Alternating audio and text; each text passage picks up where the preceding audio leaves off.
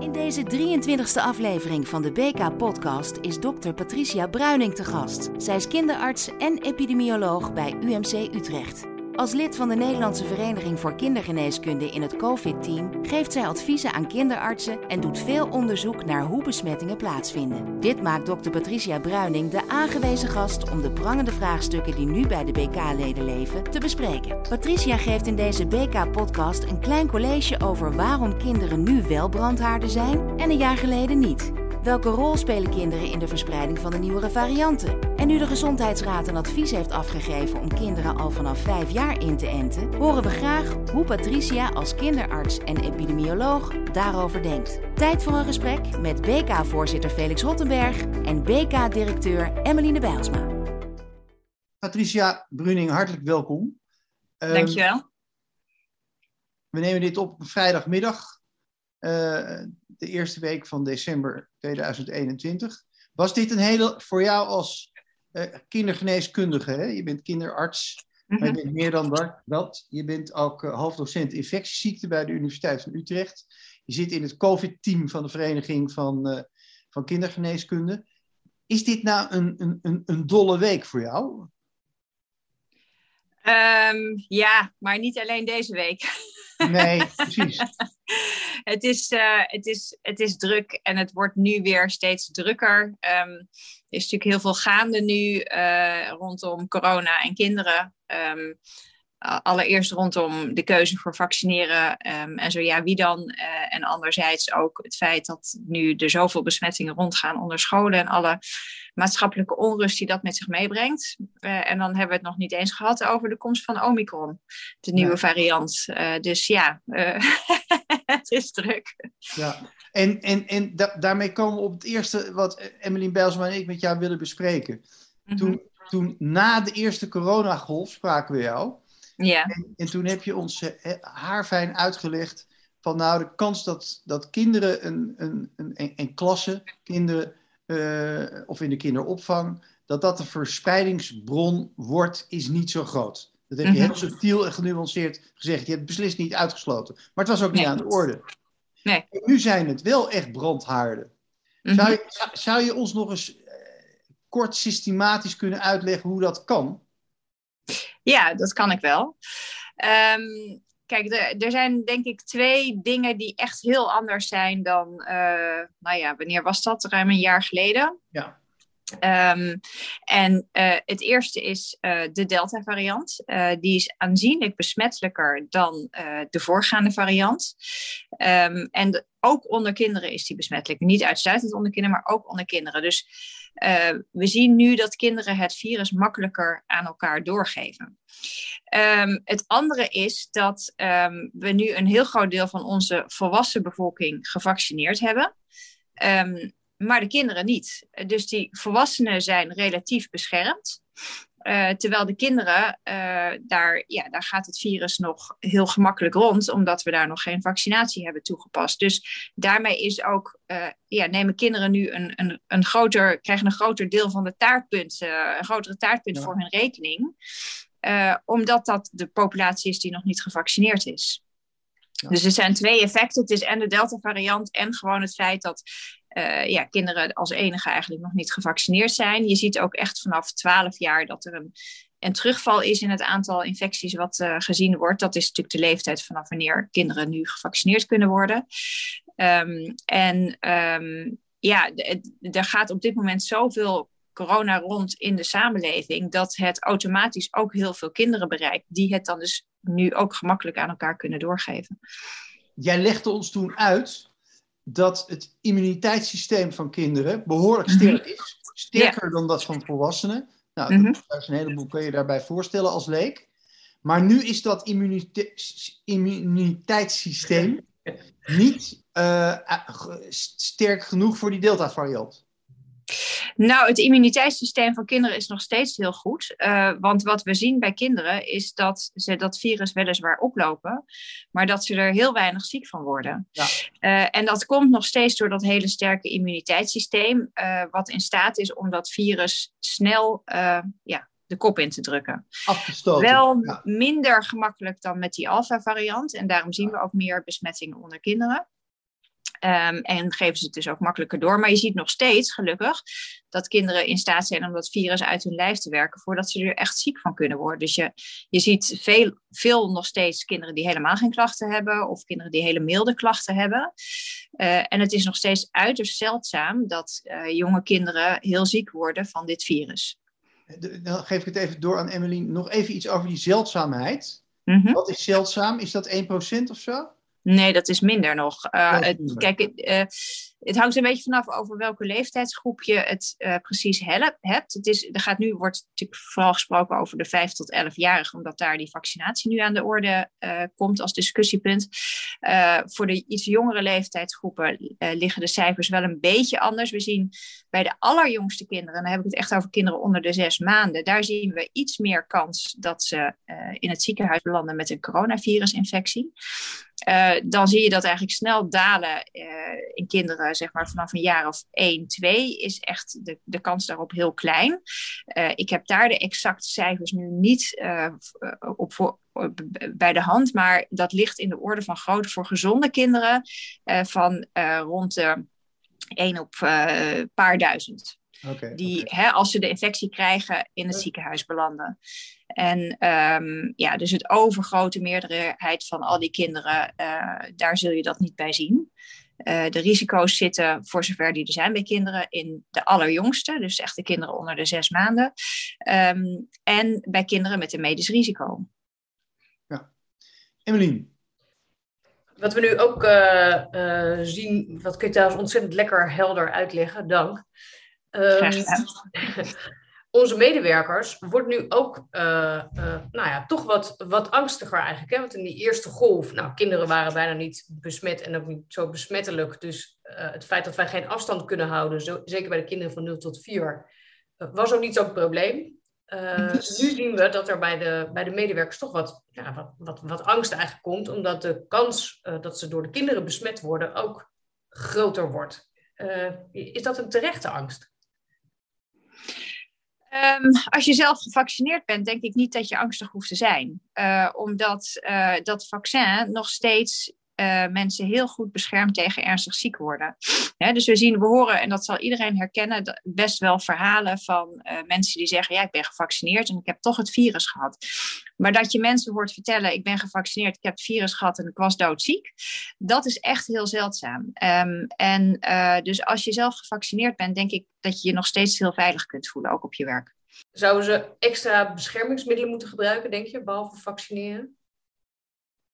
Nou, weet je, ik denk, uh, ik denk dat dat in de praktijk eigenlijk haast niet kan. Want je kunt nee, natuurlijk in deze leeftijdsgroep, je kunt niet voorkomen dat kinderen bij je in de buurt komen. En als ja, een baby, een babytje die je moet verzorgen of wat dan ook. Ja, nee, dat, wil het ook helemaal niet. Nee. nee. je wil het niet en je kan het niet, denk ik. Um, en uh, kijk, wat we wel weten, en dat is wel iets wat nog steeds uh, overeind blijft eigenlijk, dat uh, kinderen geven het virus minder makkelijk door dan volwassenen. Um, hè, dus, dus hetzelfde contact met een kind leidt minder snel tot een besmetting dan, okay. dan wanneer het een volwassene betreft. Alleen we hebben vaak wel, zeker als bijvoorbeeld uh, ouder-kindrelatie, heb je hele intensieve contacten met die kinderen. Ja. Knuffelcontacten en dergelijke. Ja, en dan, dan wordt het wel heel moeilijk om het virus niet door te geven, zeg maar. maar ik denk een, een gemiddeld werkcontact is in dat opzicht wel ietsje minder intensief natuurlijk. dus nou, ik zeg niet dat het niet gebeurt, maar ik, ik, wat we in ieder geval in de cijfers zien, dat kinderen vooral elkaar besmetten en soms hun ouders. Um, maar daarbuiten zie je nog steeds wel een beetje het beeld overeind dat alleen bij heel intensief contact die kinderen het doorgeven. Dat vind ik heel interessant wat je nu zegt. Ja. Uh, want we hebben het eigenlijk anders geïnterpreteerd, of ik zelf. De mm -hmm. brandhaardfunctie van de kinderopvang is dus meer dat door die verspreiding onder kinderen bijvoorbeeld naar de ouders gaat. Ja. En ja, daardoor via die ouders in het gezin en daar gaat het verder. Ja, en dan naar opa en oma en dan opa en oma in het ziekenhuis, et cetera. Ja, ja, dat, dan, dat, dat is eigenlijk vooral de route. Ja, dat is een soort wedloop en dat is veel minder een wedloop van de kinderen naar de pedagogisch medewerkers. Nou, voor zover we nu in de cijfers zien, is dat inderdaad uh, het geval, ja. Oké, okay, helder. Ja. Emily? Um, wat zouden we nou... Uh, um, moeten we nadere maatregelen nemen gewoon als land dan, om die brandhaarden op scholen en kinderopvang via die route die jij beschrijft te beperken? Mm -hmm. Dat is een beetje een politieke vraag, maar yeah. hoe zit jij daarin? Nou, kijk, ik denk het, het, lijkt nu wat beter te gaan hè, met de cijfers in Nederland, dat we niet verder doorstijgen. Um, van de andere kant hebben we geen idee wat Omicron ons gaat brengen, de nieuwe variant uh, zeg maar, die in Zuid-Afrika is ontdekt. Uh, kijk, als je als land alles probeert um, en desondanks dreigt een zorginfarct, dan zul je op een gegeven moment ook, uh, denk ik, er niet aan ontkomen om scholen te sluiten of kinderdagopvang of iets dergelijks. Um, nou, ik, ik denk dat we dat nu op dit moment nog kunnen afwenden. Maar ik heb ook geleerd dat je in deze pandemie nooit nooit moet zeggen. Nee. ja. Uh, dus uh, ik sluit niets meer uit. Maar ik hoop dat het niet nodig is. En ik hoop dat we door uh, ja, voldoende maatregelen te nemen onder volwassenen. Uh, en met name ook heel erg in te mm. zetten nog op dat vaccineren. Um, bij volwassenen, dat we daarmee uh, ja, de, de, de kinderen in de, uit de luwte kunnen houden eigenlijk. Wanneer weet jij nou als, als, als onderzoeker infectieziekte, en dat moet je natuurlijk ook mateloos fascineren, los even van alles wat het veroorzaakt. Wanneer weet jij meer over die Omicron? Um, nou ja, dat weet ik dat kan ik ook niet precies zeggen, want ik ben natuurlijk ook afhankelijk van uh, wat er aan informatie uh, beschikbaar komt uit de verschillende landen. Ik moet heel even mijn telefoon inpluggen, zie ik hier. Um, dus ja, daarmee is het uh, voor mij ook een beetje onzeker wanneer die informatie precies komt. maar we hopen eigenlijk wel dat we met een week of twee, drie iets meer inzicht hebben in uh, hoezeer die nieuwe variant um, mensen kan infecteren die gevaccineerd zijn. Um, maar ook vooral als dat gebeurt, hoe ernstig verlopen die infecties dan bij gevaccineerde mensen? Want um, ja, het is vooral natuurlijk een probleem als het mensen infecteert en ze ook opnieuw heel ziek kunnen worden. Als het een virus is wat mensen wel kan infecteren, maar die mensen hebben daar verder ja, weinig klachten van en belanden niet in het ziekenhuis, dan, um, ja, dan, dan is het misschien een veel minder groot probleem dan waar we nu bang voor zijn. Maar dat weten we nog niet. En is dan pas de vraag aan de orde dat uh, de urgentie moet worden geformuleerd over het vaccineren van kinderen? Nou, um, kijk, er zit, we hebben het natuurlijk nu over de groep 5 tot 11. Hè? Dus de, ja. de, de, de, kinderopvangleeftijd is sowieso nog helemaal niet in beeld. Er lopen nee. wel onderzoeken uh, met vaccins in deze leeftijdsgroep, met nog weer ook een lagere dosering dan wat er kinderen nu krijgen. Dus de kinderen 5 tot 11, daarvoor is nu een derde van de uh, volwassen dosering uh, is daar goedgekeurd als, als vaccindosis. Uh, er lopen dus onderzoeken in die allerjongste groep, maar dat, ja, dat gaat nog wel eventjes duren. Ze werken echt van, van oud naar jong, zeg maar. Um, dus daar is vaccinatie nog even helemaal niet aan de orde op dit moment. Um, nou, voor de groep 5 tot 11-jarigen, daar is de Gezondheidsraad heeft daar naar gekeken. Uh, die zullen uh, op hele korte termijn ook met een advies daarover komen. Uh, ik denk zelf dat we in ieder geval op hele korte termijn zullen starten met het vaccineren van kinderen met een medisch risico in deze leeftijdsgroep. Dus kan je dat even omschrijven? Wat, wat voor risico's dat zijn? Ja, dat zijn dus kinderen die eigenlijk ook elk jaar de uitnodiging voor de grieprik krijgen. Uh, dat betreft kinderen die uh, uh, ja, een onderliggende aandoening hebben, bijvoorbeeld een, een, hartafwijking, een ernstige longaandoening. Um, kinderen die ja, soms ingewikkelde, complexe aandoeningen hebben, meervoudig gehandicapt. Um, kinderen met epilepsie. Het is een, een, ja, een vrij diverse groep, maar we weten wel dat dat de groep van kinderen is die we als kinderen in het ziekenhuis komen met een corona-infectie, zijn het in 50% van de gevallen kinderen uit die groep. Dus op het moment dat je hen vaccineert, heb je al uh, ja, een groot deel van die ziekenhuisopnames, die overigens zeldzaam zijn, maar die er dus wel zijn, heb je dan in ieder geval uh, daarmee voorkomen. Uh, dus dat zal sowieso, denk ik, op korte termijn gaan gebeuren. En dan de vraag over wat doen we dan met gezonde kinderen tussen de 5 en 11. Nou, dat is een veel ingewikkelder debat, omdat daar de risico's van corona heel klein zijn. en het vaccin nog, ja, nog, nog maar in een beperkt aantal kinderen getest is. dus daar zit je ook met een vraag waarbij je nog niet met grote zekerheid kan zeggen dat zeldzame bijwerkingen volledig zijn uitgesloten. Ik verwacht het niet, maar die zekerheid hebben we gewoon op dit moment nog niet. Er zijn naastig op zoek naar uh, aanvullende ja, veiligheidsdata die dat kunnen laten zien. Dat zou heel mooi zijn. Maar ondertussen zie je ook uh, in de samenleving ja, de situatie nu veranderen. En ook de roep om vaccinaties van deze leeftijdsgroep steeds verder toenemen. Hè? Dus een half jaar geleden was er nog ja, vrijwel geen ouder te vinden die het een goed idee vond om kinderen tussen de 5 en 11 te vaccineren. Maar nu met alle, uh, ja, alle ellende die we op de basisscholen zien, de kinderen die om de haafklap in quarantaine moeten, uh, ook wel angst, denk ik, onder sommige kinderen dat ze het virus mee naar huis brengen en bijvoorbeeld doorgeven aan opa en oma. Dat zijn allerlei ja, maatschappelijke effecten die je, um, die je niet kunt negeren en die je uiteindelijk ook in zo'n advies uh, moet meenemen. Dus uh, ik denk dat, we, uh, ja, dat, dat, het, dat het kan gaan kantelen op korte termijn. En dat we misschien ook wel uitkomen uiteindelijk op dat we die kinderen dat vaccin ook gaan aanbieden. Maar dan is dat nadrukkelijk niet alleen maar vanwege ja, de risico's van corona, omdat die toch wel klein zijn, maar ook vanwege alle maatschappelijke effecten. Ja. Emmeline? En ter, eh, terwijl wij hier zitten te zoomen, komt er bij mij een nieuwsberichtje binnen dat de Gezondheidsraad net het advies heeft uitgebracht uh, voor kinderen onder de 12 met een zwakke gezondheid. Dus as we oh, speak wordt dit wereldkundig gemaakt. Ja. ja. dat was natuurlijk een truc van jou om gewoon om, om, het niet, om te zeggen ik lek niet, maar toch. Nee, ja, ik zie hem hier. Ik heb zo'n zo'n nieuwsalert aanstaan op mijn telefoon, dus hij komt nu ineens, ineens in beeld schieten hier bij mij. Hey, denk je, uh, uh, zou het denkbaar zijn dat er ooit nog een variant uh, komt waar kinderen wel echt ziek van kunnen worden? Of is dat eigenlijk uitgesloten met dit type virus? Nee, ja, weet je, dat is de, wat ik al eerder zei. In deze pandemie moet je nooit nooit zeggen. Niks is uitgesloten. Nee. Is het waarschijnlijk? Nee, dat denk ik niet. Waarom niet? Maar ja, sorry? Waarom is het, denk je van niet? Nou, omdat we tot nu toe um, van elke variant die we hebben zien ontstaan, eigenlijk nog niet gezien hebben dat daarmee uh, het ziektebeeld uh, bij kinderen heel erg verandert. En we hebben in de tussentijd ook uh, veel geleerd over hoe het immuunsysteem bij kinderen reageert op dit virus. Um, en um, ja, wat, wat we eigenlijk steeds terugzien in al die onderzoeken is dat het immuunsysteem van jonge kinderen, dan met name het aangeboren immuunsysteem, dus dat is eigenlijk de eerste lijn van verdediging die je hebt voordat je lichaam, je immuunsysteem getraind is om bepaalde virussen te herkennen, heb je het aangeboren immuunsysteem.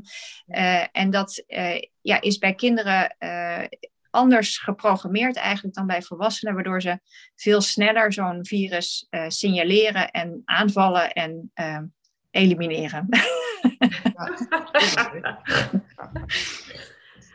Ik heb eigenlijk nog een vraag over. We gaan een beetje naar het eind, willen je niet te, te lang in de weg zitten. Komt er op ten duur eigenlijk een soort vaccinatiepraktijk die vergelijkbaar is met vaccineren tegen rode hond en de bof? Is dat over een Je bedoelt waarbij je kinderen vaccineert om de samenleving te beschermen? Is dat waar je op doelt? Ja. Um, nou ja, dat. Um, kijk, we hebben eigenlijk altijd gezegd, ook vanuit de kinderartsen, we vinden het belangrijk dat het vaccin uh, voor het, uh, ook een individueel nut heeft voor die kinderen. We gaan ze niet vaccineren als het voor hun eigenlijk alleen maar uh, gedoe oplevert en prikken, zonder dat dat voor hun uh, ja, veel uh, toegevoegde waarde heeft en alleen maar dient om ouderen te beschermen. Waarom niet? Omdat we namelijk ook ouderen kunnen vaccineren. En er zijn hele goede vaccins om volwassenen te beschermen. dus daar heb je in principe, denk ik, niet de kinderen per se voor nodig. Um, maar goed, er, zijn wel, er kunnen wel situaties ontstaan uh, waardoor, uh, wat ik net al aangaf, dat uh, de indirecte effecten van, van corona op kinderen, en, en die kunnen groter zijn op het moment dat ze niet gevaccineerd zijn. En, en die moet je ook steeds weer opnieuw goed blijven signaleren en evalueren. En als je op een gegeven moment zegt van ja, maar weet je, het is voor kinderen gewoon eigenlijk veel prettiger als ze wel gevaccineerd zijn om allerlei redenen. Um, ja, dan kan dat ook een reden zijn om, om toch over te gaan tot vaccinatie. Ik vind het wel heel belangrijk dat je dan uh, op geen enkele manier druk uitoefent op die kinderen om dat te doen. Um, want ja, als jij zelf eigenlijk niet um, ervaart dat je bijvoorbeeld angstig bent voor corona dan, ehm, ja, dan, en, en de gezondheidsrisico's zijn laag, dan, dan kan het niet zo zijn dat we dan met heel veel druk, hè, wat natuurlijk nu bij volwassenen wel aan de orde is, dat je dan met heel veel druk op die kinderen gaat zitten van uh, je moet je vaccineren. Daar, daar zou ik wel uh, niet, ja, daar zou ik echt geen voorstander van zijn. Emmeline, slotvraag. Ik, ik heb gewoon geen vraag meer, Felix. Sorry, want ik vind het zo helder en er zit zo'n duidelijke lijn in, Patricia, in je, in je denken en je redeneren. Nou, ik heb, ik heb er dan nog Jij één... wel altijd. Ja. Nou, nee, nee, nee, meestal niet. Aan het eind zeker niet. Maar ik heb er nog wel één, omdat we van tevoren hebben gezegd dat we met jou zouden praten. En veel leden daarop hebben gereageerd van wat vind je nou belangrijk? Kan jij de angst relativeren voor mensen? Mensen zijn natuurlijk toch bang. Ik bedoel, in hun omgeving, met name onder ouderen, maken ze nu toch weer sterfgevallen mee. Mm ja, het is nu een, een, een, een, we gaan richting derde golf op een x-moment. Die, moet, die, die boosteroperatie moet plaatsvinden. Hoe kan je daarmee omgaan als samenleving en als, als mens? Nou ja, ik denk dat je daarin een heel duidelijk onderscheid maakt, moet maken met ja, angst waarvoor. Hè? Dus uh, het is heel goed dat we nu snel op gaan schieten met het geven van boostervaccinaties aan de oudste leeftijdsgroepen. Daar zien we dat uh, ja, de bescherming na verloop van tijd uh, terugloopt. En dat we met name in de oudste leeftijdsgroepen dus ook weer zien dat mensen toch ernstig ziek worden nu. Um, die hebben echt een oppepper nodig. Um, en um, ja, als het gaat om, om kinderen, dan is nog steeds het beeld wat overeind blijft staan dat in het overgrote deel van alle kinderen uh, de infectie mild verloopt of zelfs helemaal zonder symptomen. Uh, en het zich eigenlijk niet anders gedraagt dan een willekeurige verkoudheid. En er zijn natuurlijk uitzonderingen, uh, maar die zijn er ook voor andere virusinfecties bij kinderen. alleen, ja, die hebben we over het algemeen niet zo goed op ons vizier, dus daar, dat, dat hoor je ook niet zoveel over. Maar, um, dus ik, ik maak me voor kinderen, voor hun eigen gezondheid, niet per se heel veel zorgen over het virus wat nu circuleert. Um, ja, en, en ik, ja, dat, dat is wat ik daarover kan zeggen eigenlijk. ik weet niet of dat nee, nee, is. Dat is helder. Patricia, nog even als we het over de boosters hebben. Mm -hmm.